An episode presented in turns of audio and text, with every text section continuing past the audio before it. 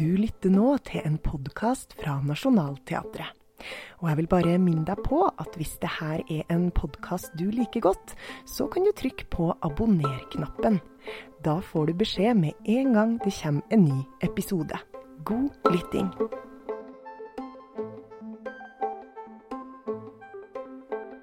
Kjære leser, eller lytter, da. Se for deg at det akkurat har kommet ut en roman som alle snakker om, og som alle vil lese. Forfatteren bak bærer navnet Currer Bell, men ingen har noen gang sett ham. Boka blir elsket av leserne, men hatet av anmelderne. Hva var det med dette verket som vekket så sterke følelser? Og hva skjedde da det viste seg at Currer Bell var et pseudonym, og at boka var skrevet av en kvinnelig forfatter, Charlotte Bronté? Kjære lytter, jeg foreslår at vi bare introduserer henne med en gang. Her er hun, denne episodens hovedrolle, Jane Eyre. Jeg skal være et forbilde, en heltinne, et symbol på frihet. For det er det folk fortjener. Noen som brøler ut frihet. Noen som blir skikkelig forbanna. Og jeg er forbanna. For et anslag. Vi hørte Kjersti Tveterås som Jane Eyre fra forestillingen som i disse dager spiller på Nationaltheatrets hovedscene. Velkommen til teaterprogrammet. Og velkommen til dagens gjest, dramaturg Njål Helge Mjøs. Takk skal du ha. Så fint du har rigga deg til her i eh, Teaterarkivet, da. Ja, koselig her. Ja. Ja. Du har jo vært med å dramatisere romanen sammen med regissør Eline Arbo. Å dramatisere, eh, altså da mener jeg overføre bok til scene. Hvordan har dette arbeidet vært? Jo, det som slo oss når vi skulle sette i gang, er jo hvor mange som har et nært forhold til Jane Eyre fra før av. Denne boken den kom ut i 1847 i England, og det må vel sies å kalles en, en murstein av en bok. Den er ganske så kompleks, og litteraturhistorisk så er det blitt skrevet utrolig mye om, om boken da, i etterkant. Så vi måtte ta noen krevende valg når vi skulle gjøre dette stoffet om til teater i Norge i 2022. Noe fikk jo forrang, mens eh, andre sider av boken har vi vært nødt til å ja, skyve litt til side. Det, det var ikke plass til å ta med. Ja, Det skal vi komme tilbake til. Og jeg må jo bare si, Ikke alle som har lest uh, denne boka. Da. Jeg har ikke noe nært forhold til den. Jeg hadde ikke lest den. Og jeg blanda den, tror jeg, med uh, søstera sin roman 'Stormfulle høyder' av uh, Emily Bronté. Emily Bronté. Og Ja. det er helt greit, det, altså. Ja, det var godt å høre. Men kan vi ikke begynne på starten? Uh, Mm. For historien om verket Jane Eyre, det er jo ganske utrolig. Altså, vi snakker 1847, Yorkshire i England. Fortell litt om hvordan denne romanen blei til. Jo, som du nevnte i starten, allerede fra første stund så var dette en historie som fenget utrolig mange lesere. Det var en slags, eh, ja det var en sånn type bok som det ligger to stykker av under juletreet. Ja, og der du tredje juledag, så må du gå ut og bytte den ene av dem. Ja, nettopp. Og sånn var det òg med Jane Eyre i eh, julen i 1847. Men hva er det som gjør den så bra? Ja, altså, den er jo fengende og godt skrevet. En typisk oppvekstroman. En coming of age-historie der vi følger et foreldreløst barn, en foreldreløs jente, sin oppvekst og voksenliv.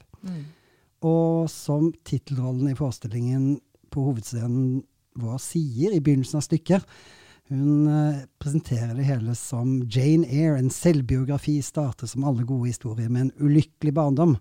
Og det er jo et ganske greit utgangspunkt for å følge Jane og heie på henne i de valgene som hun tar gjennom livet. Da. Ja, og så I tillegg så holdt, inneholdt den jo, eller den har utrolig store doser med både spenning og grøss og kjærlighet. Sånn at uh, det har jo selvfølgelig òg bidratt til at den har nådd et såpass stort publikum som den har gjort. Da. Men uh, når denne romanen blir såpass stor og viktig, hvorfor eh, var det så mange delte meninger om den? På mange måter så representerer Jane Eyre en opprørsk ånd. Hun står opp for seg selv og krever å bli tatt på alvor. I boken så søker Jane selvstendighet og frihet, uavhengig av det som folk tenker om henne, og uavhengig av de hindringene som er satt opp for henne da, av omgivelsene rundt. Og denne stoltheten og mangel på ydmykhet hos Jane, det var det flere som mislikte? Det er klart. Og bedre ble det vel ikke av at boken òg inneholder en stor dose med kritikk av samfunnsliv, sosiale klasser, religion, kirken. Kritiker og forfatter Margaret Oliphant hun hevda i sin tid at um, Da Jane Eyre entret scenen, fulgte i hennes fotspor den mest alarmerende revolusjonen i moderne tid. Oi, shit. Det er mm. heftig.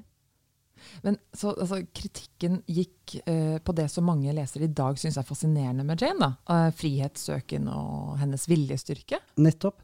Jane Eyre hadde heller ikke de kvalitetene som en kvinnelig heltinne burde ha. Hun beskrives som ordinær og alminnelig. Liten, ubemidla, ubemerka. Ja, ordet er vel plain som brukes i, i boken om henne. En plain Jane. Mhm. Stygg, eh, rett og slett. da. Ja, rett og slett ikke noe særlig, da. Kjærlighetshistorien i boken den er forresten heller ikke særlig ridderlig, sånn at uh, det, er, det er på et vis ingen konvensjonell romanse som hun Charlotte Brontë ga oss. da. Den unge Jane forelsker seg i, i Bøllen, en fyr som ikke akkurat er svigermors drøm.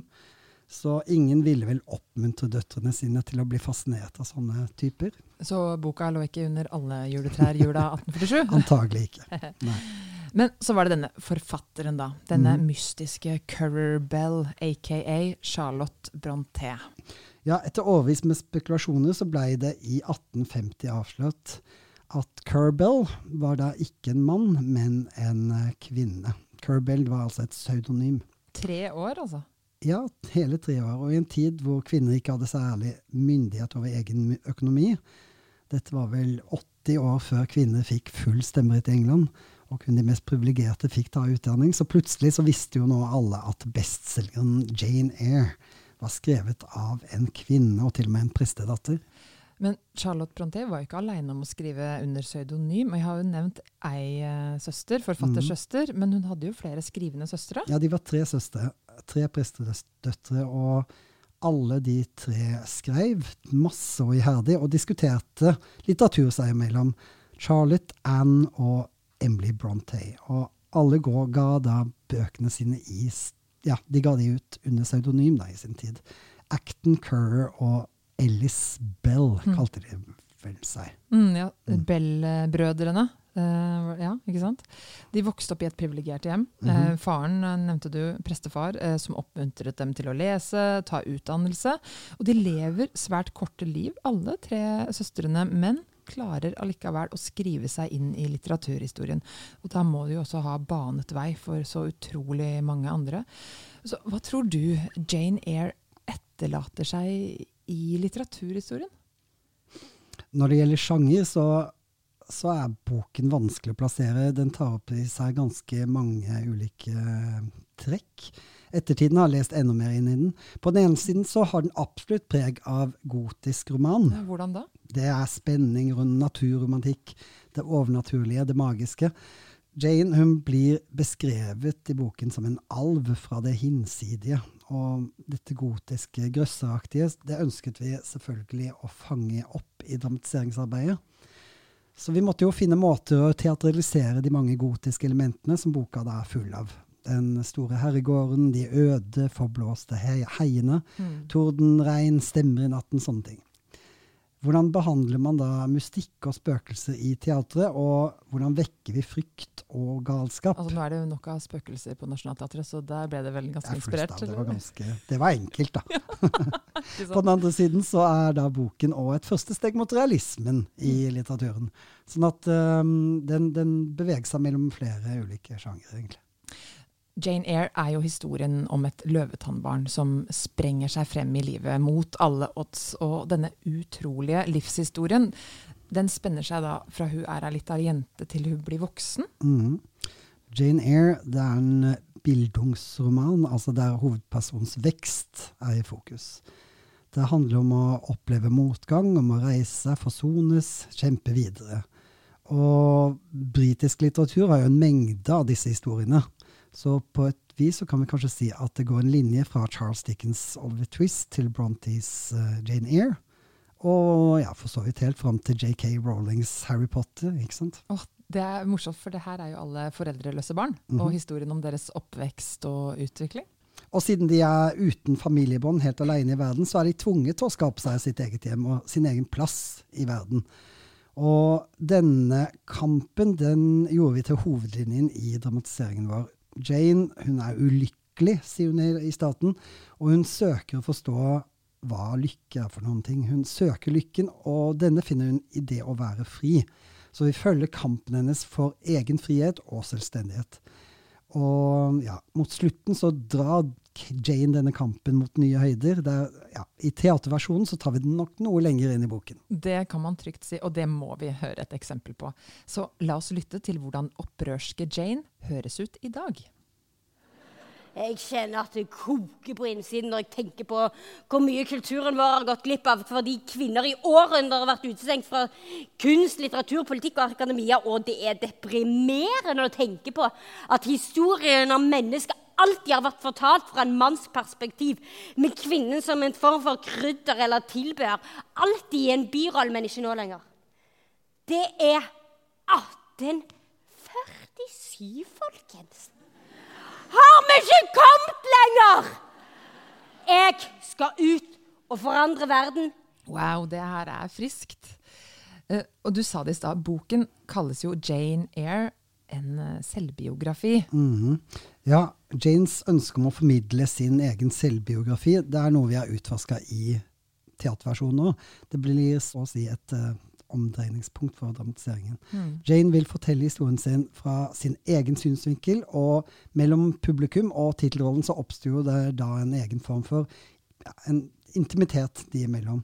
Og vi i publikum vi blir direkte innvidd i fortellingen hennes. Men det å kalle en fiksjonstekst en selvbiografi er jo litt rart. Litt merkelig. Det er jo det. Og boka starter sånn som du sier, veldig inderlig. Eh, kjære leser. Og dette går jo igjen hele veien, også på scenen. Eh, Jane Eyre forteller sin egen historie til leseren, eller lytteren, eller eh, i -hmm. Og dette var ikke vanlig på den tida da romanen kom ut. Nei, ikke, i 1847 så var det å skrive i, i jeg-form i prosa noe helt nytt. Denne direkte henvendelsen til leseren, der alt som skjer farges av Jane sine tanker og følelser, det gjør at Charlotte Brontes Jane Eyre det markerte på et vis et vannskille i litteraturhistorien og i romanens plass i denne historien. Ja, samtidig så er Jane Eyre en pålig feministisk litteraturhistorieskriving.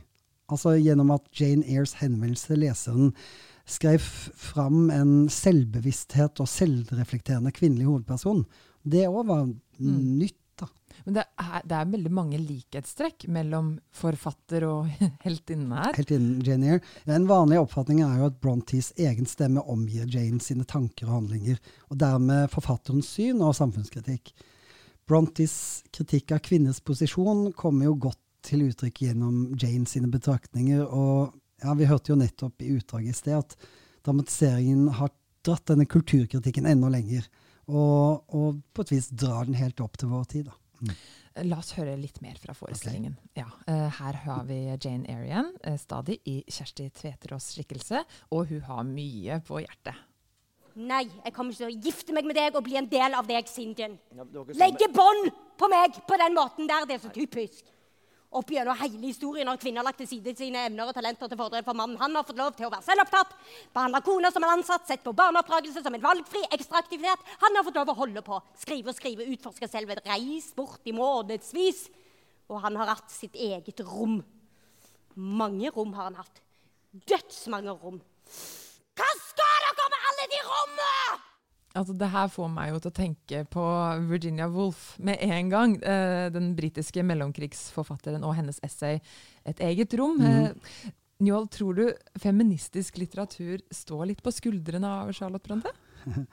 Denne dramatiseringen benytter iallfall Bronte som en slags turnbukk for å belyse kvinners posisjon i samfunnslivet og kulturen ja, helt opp til vår tid. Og kanskje også de dilemmaene som frigjøringskampen òg fører med seg.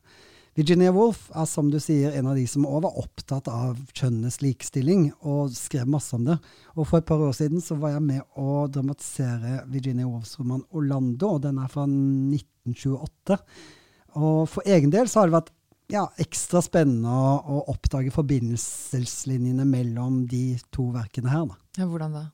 Orlando av Virginia Woolf presenteres på tittelbladet som en biografi. Eh, så jeg ser jo for meg at det, allerede der så ligger det et lite vink fra forfatteren til Brontes banebryggende verk Jane Eyre, en selvbiografi. Og den ble jo utgitt 80 år tidligere.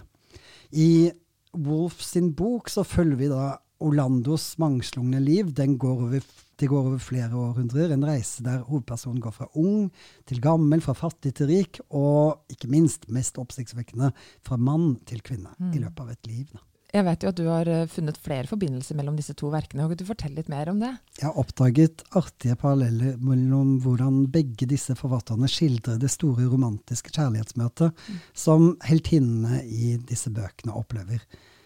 Jane Eyre møter jo sin store kjærlighet Mr. Rochester idet han ankommer ridende til hest, og det samme gjør Orlando når hun møter sin utkårede rytter og kaptein Shelmerdine.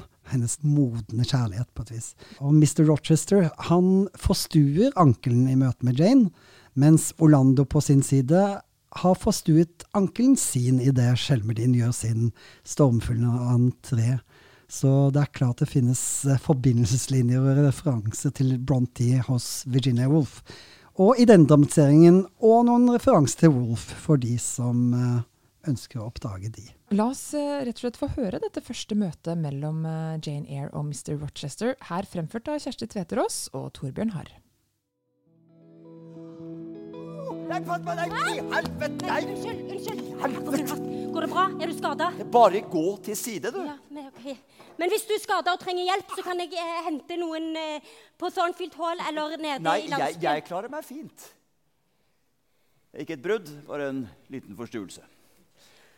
Ansiktet var mørkt med strenge trekk og en massiv panne. Øynene var olme og vrantende. Han var over den første ungdommen, men han var ikke direkte middelaldrende heller. Hvis han hadde vært en kjekk ung herremann med et heroisk utseende, så hadde jeg sikkert blitt sjenert, men dette utseendet det ga meg Hvor absolutt kommer du fra? Um, Like nedi her. Det huset med brystvernet? Ja. Hvem sitt hus er det? Uh, Mr. Rochester. Kjenner du Mr. Rochester? Nei. Nei, du er selvfølgelig ikke tjenestepike der i gården. Nei, det er jeg ikke. Jeg er guvernanten. Det var altså det aller første møtet mellom Jane og Mr. Rochester, eieren av herregården Thornfield Hall, dit hvor eh, Jane etter hvert flytter til og jobber som guvernante, som vi hørte. Eh, vi kommer jo ikke unna dette med kjærlighet, og du nevnte det i stad. Jane Eyre er jo en fortelling om stor, stor kjærlighet. Helt klart. På et vis så gjentar jo denne boken en klassisk romantisk struktur som vi ser igjen mange steder i kulturen vår. Denne historien om den sky jenta og hennes møte med den store playboyen. Jane Eyre hun er som du sier, guvernante på Thornfield Hall, som eies av Mr. Rochester. Og han er en middelaldrende godseier med en ja, la oss kalle det en mørk fortid og et kynisk syn på tilværelsen. Og til tross for avstand i stand og i bakgrunn, så ser Mr. Rochester i Jane noe som kan gjøre han hel igjen, og ja, kanskje mildere stemt til skjebnen sin. da. Og et helt spesielt bånd knyttes mellom de to, en kjærlighet som det finnes et håp i. Um, men ja, den eh, er jo òg ganske umulig på så mange måter. Men det her har jeg hørt før, holdt jeg på å si. Altså, tror du denne kjærlighetshistorien har inspirert moderne kjærlighetshistorier? Sånn mørk og mystisk mann møter kvinne under sin stand? Mhm. Den romantiske oppbygningen den er gjenkjennelig, som du sier. Men vi skal vel heller ikke underkjenne at svært mange kjærlighetsromaner og filmer som vi kjenner i dag, snylter på arketypene som Charlotte Brontë skapte. Denne samme dramaturgien finner vi jo igjen i high school-komediedramaer, eller i moderne vampyrserier som Twilight. Mm. Ja, vi har f.eks. Nora og William i Skam her i Norge. Vi har Carrie og Mr. Big i Sex og singelliv, og Anna og Christian Grey i Fifty Shades of Grey. Mm. Det er rett og slett Jane og Mr. Rochester om igjen og om igjen og om igjen. Tilbake til dette med manusarbeid. Du nevnte jo i begynnelsen at det var sider ved romanen som dere måtte velge bort uh, i arbeidet med manus. Mm. Når en bok skal bli gjort om til dramatikk, så må fortellingen tilpasses teatrets muligheter og begrensninger. Det blir rett og slett et, et nytt medium. Noe nytt oppstår, så alle sidene av originalen er det rett og slett ikke mulig å få med. F.eks. de spennende analysene som finnes av Jane Eyre, som ser verket inn i et postkolonialt perspektiv. Oi, fortell mm. litt mer om det. Romanen er jo skrevet i storhetstiden til det britiske samveldet, som bredde seg utover alle verdens kontinenter på den tiden. Mm. Og to av de mannlige rollene som opptrer i fortellingen, de kan på sett og vis leses inn i en sånn kolonial rolle av privilegier og overherredømme. Mr. Rochester for eksempel, han driver oversjøiske forretninger, og så finnes det en prest som heter St. John Rivers, og han sikter mot å bli misjonær i dette hedenske India, som var en britisk koloni. Mm. Og koloniene og folkene som bor der, blir i et sånt lys framstilt som ville og umoralske, hemningsløse, eksotiske i denne boken sitt univers. Og på Thornfield Hall eh, sitt loft, meget fryktinngytende og vampyriske, rett og slett, uten at jeg skal Nei. røpe for mye, da. På et metaforisk plan så viser jo òg fortellingen hvordan samfunnet, altså det vil si det mannlige hegemoniet, holder kvinnen nede. Kvinnens krefter og frie natur blir tøylet og sperret inne av konvensjoner, menneskeskapte moralkoder og sånne ting. Nettopp muligheten til sånne lesninger er det som gjør Jane Eyre så kompleks da, og interessant på så mange plan. Men dere ville altså da fokusere og aktualisere Brontés fortelling i lys av moderne kvinne- og likestillingskamp. For i tillegg til Brontés tekst, så eh, dukker det opp noen eh, monologer i forestillingen, eller ranter, rett og slett, da, som dere åpenbart har skrevet og lagt til. Ja, egentlig syns jeg vi har funnet en fin balanse mellom å beholde Brontes eget språk og noe som oppleves tettere på oss i dag. Det visuelle universet underbygger egentlig dette her. Her blandes historiske stilepoker med, med formelementer som kommer fra i dag. Ja, sånn som eh, lysdesigner Øyvind Wangensten og scenograf Olav Myrtvedts scenebilder. Ja. Dette understreker jo det melodramatiske, store, dunkle, belyste, monumentale trapper og tårn. Eh, og så har vi jo kostymene designet av Alva Brosten, mm. eh, som er jo en fest å se på. Dette er jo eh, virkelig et kostymedrama, bare ikke sånn eh, vi er vant til å se det. Scenografien og kostymene de leker rett og slett med de forventningene som vi har til det romantiske teatret, og til Mm. den stilepoken som Jane Eyre tilhører, empirestilen. Og det gir et eget humør til forestillingen når disse forventningene som vi kommer til teatret med, blir kontrastert med referanser som vi har i dag. Ja, Det er jo veldig mye morsomt i forestillingen. Jeg lo jo masse, og det hadde jeg jo ikke venta meg. Kostymene, altså kostymedesigner Alva Brosten sine klær, de mikser f.eks. 1800-tallssilhuetten med haute couture fra i dag. Og det funker overraskende bra. Her kombineres kyser og Buffalo-sko om hverandre. Kostymene er jo et kick. øh, Og så opplever jeg at de forteller noe om hver enkelt karakter også. Eh, Og musikken, den må Mm. vi også snakke om. For skuespillerne spiller jo selv og synger selv. Låter av Robin, Kate Bush, Susanne Sundfør. Fortell litt om eh, hvorfor dere har lagt til dette. Skuespillerne fungerer på et vis som et band, som da støtter opp om Janes fortelling. Og understreker da de emosjonelle svingningene, gjerne da med musikk. Forestillingen det er, har blitt en, ja, det er blitt popkultur og høystemt på samme tid. Melodrama og politisk opprør i én og samme oppsetning, kan du si. Det er rett og slett bare å komme seg til teatret og, og finne ut av hvordan dette ser ut selv. Helt enig. Kom dere på teatret både for å se og høre. Og det slo meg også her en dag at eh, kostymedrama pluss popmusikk, det er jo skikkelig i vinden. Det kan vi også se på Netflix-serien Bridgerton.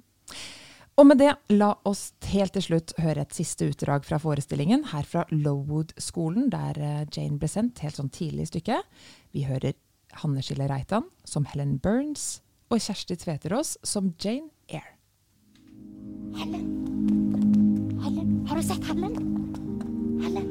Helen! Er du våken? Hvorfor kommer du hit, Jane? Jo, jeg har kommet ganske langt i boka, men eh, på dag én så kommer lyset, men solen kommer først på dag seks. Det er en logisk brist. Kom du for å ta farvel med meg? Skal du dra? Skal du hjem? Ja. Jeg skal til mitt siste hjem. Til mitt evige hjem. Nei, Helen. Du skal ikke være trist når jeg dør, Jane. Jeg dør ung. Jeg slipper store skuffelser og lidelser. Skjer når vi dør? Hvor havner vi hen da? Hos Gud. Men hva er Gud? Hvem er Gud? Det finnes en usynlig verden. Et åndenes rike som ser oss, og som våker over oss. Hvorfor skal vi være trist når livet så snart er over, og døden er en sikker portal til lykken? Døden er en sikker portal til lykken. Men Helen, hva med livet her og nå? Vi kjenner jo bare dette huset her og hagen utenfor og den lille veien bort til kirken. Men se, Helen! Se de blå fjellene langt der borte. Dit må vi dra. Og langt forbi dit. Til nye byer, folk og steder. Helen.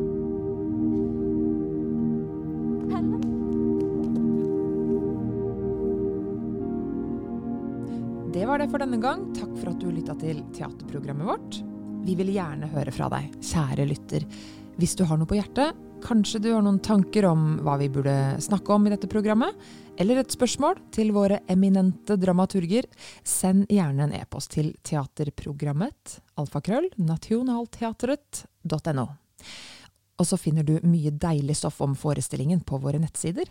Blant annet kan du nøste opp i alle karakterene i stykket hvis du trenger å få litt oversikt før eller etter du har sett forestillingen. Gå inn på skolesida vår på nasjonalteatret.no. Der ligger det et slags ja, slektstre med oversikt over folka i Jane Eyre. Pluss så mye annet bra materiale. Det anbefales. Vi høres!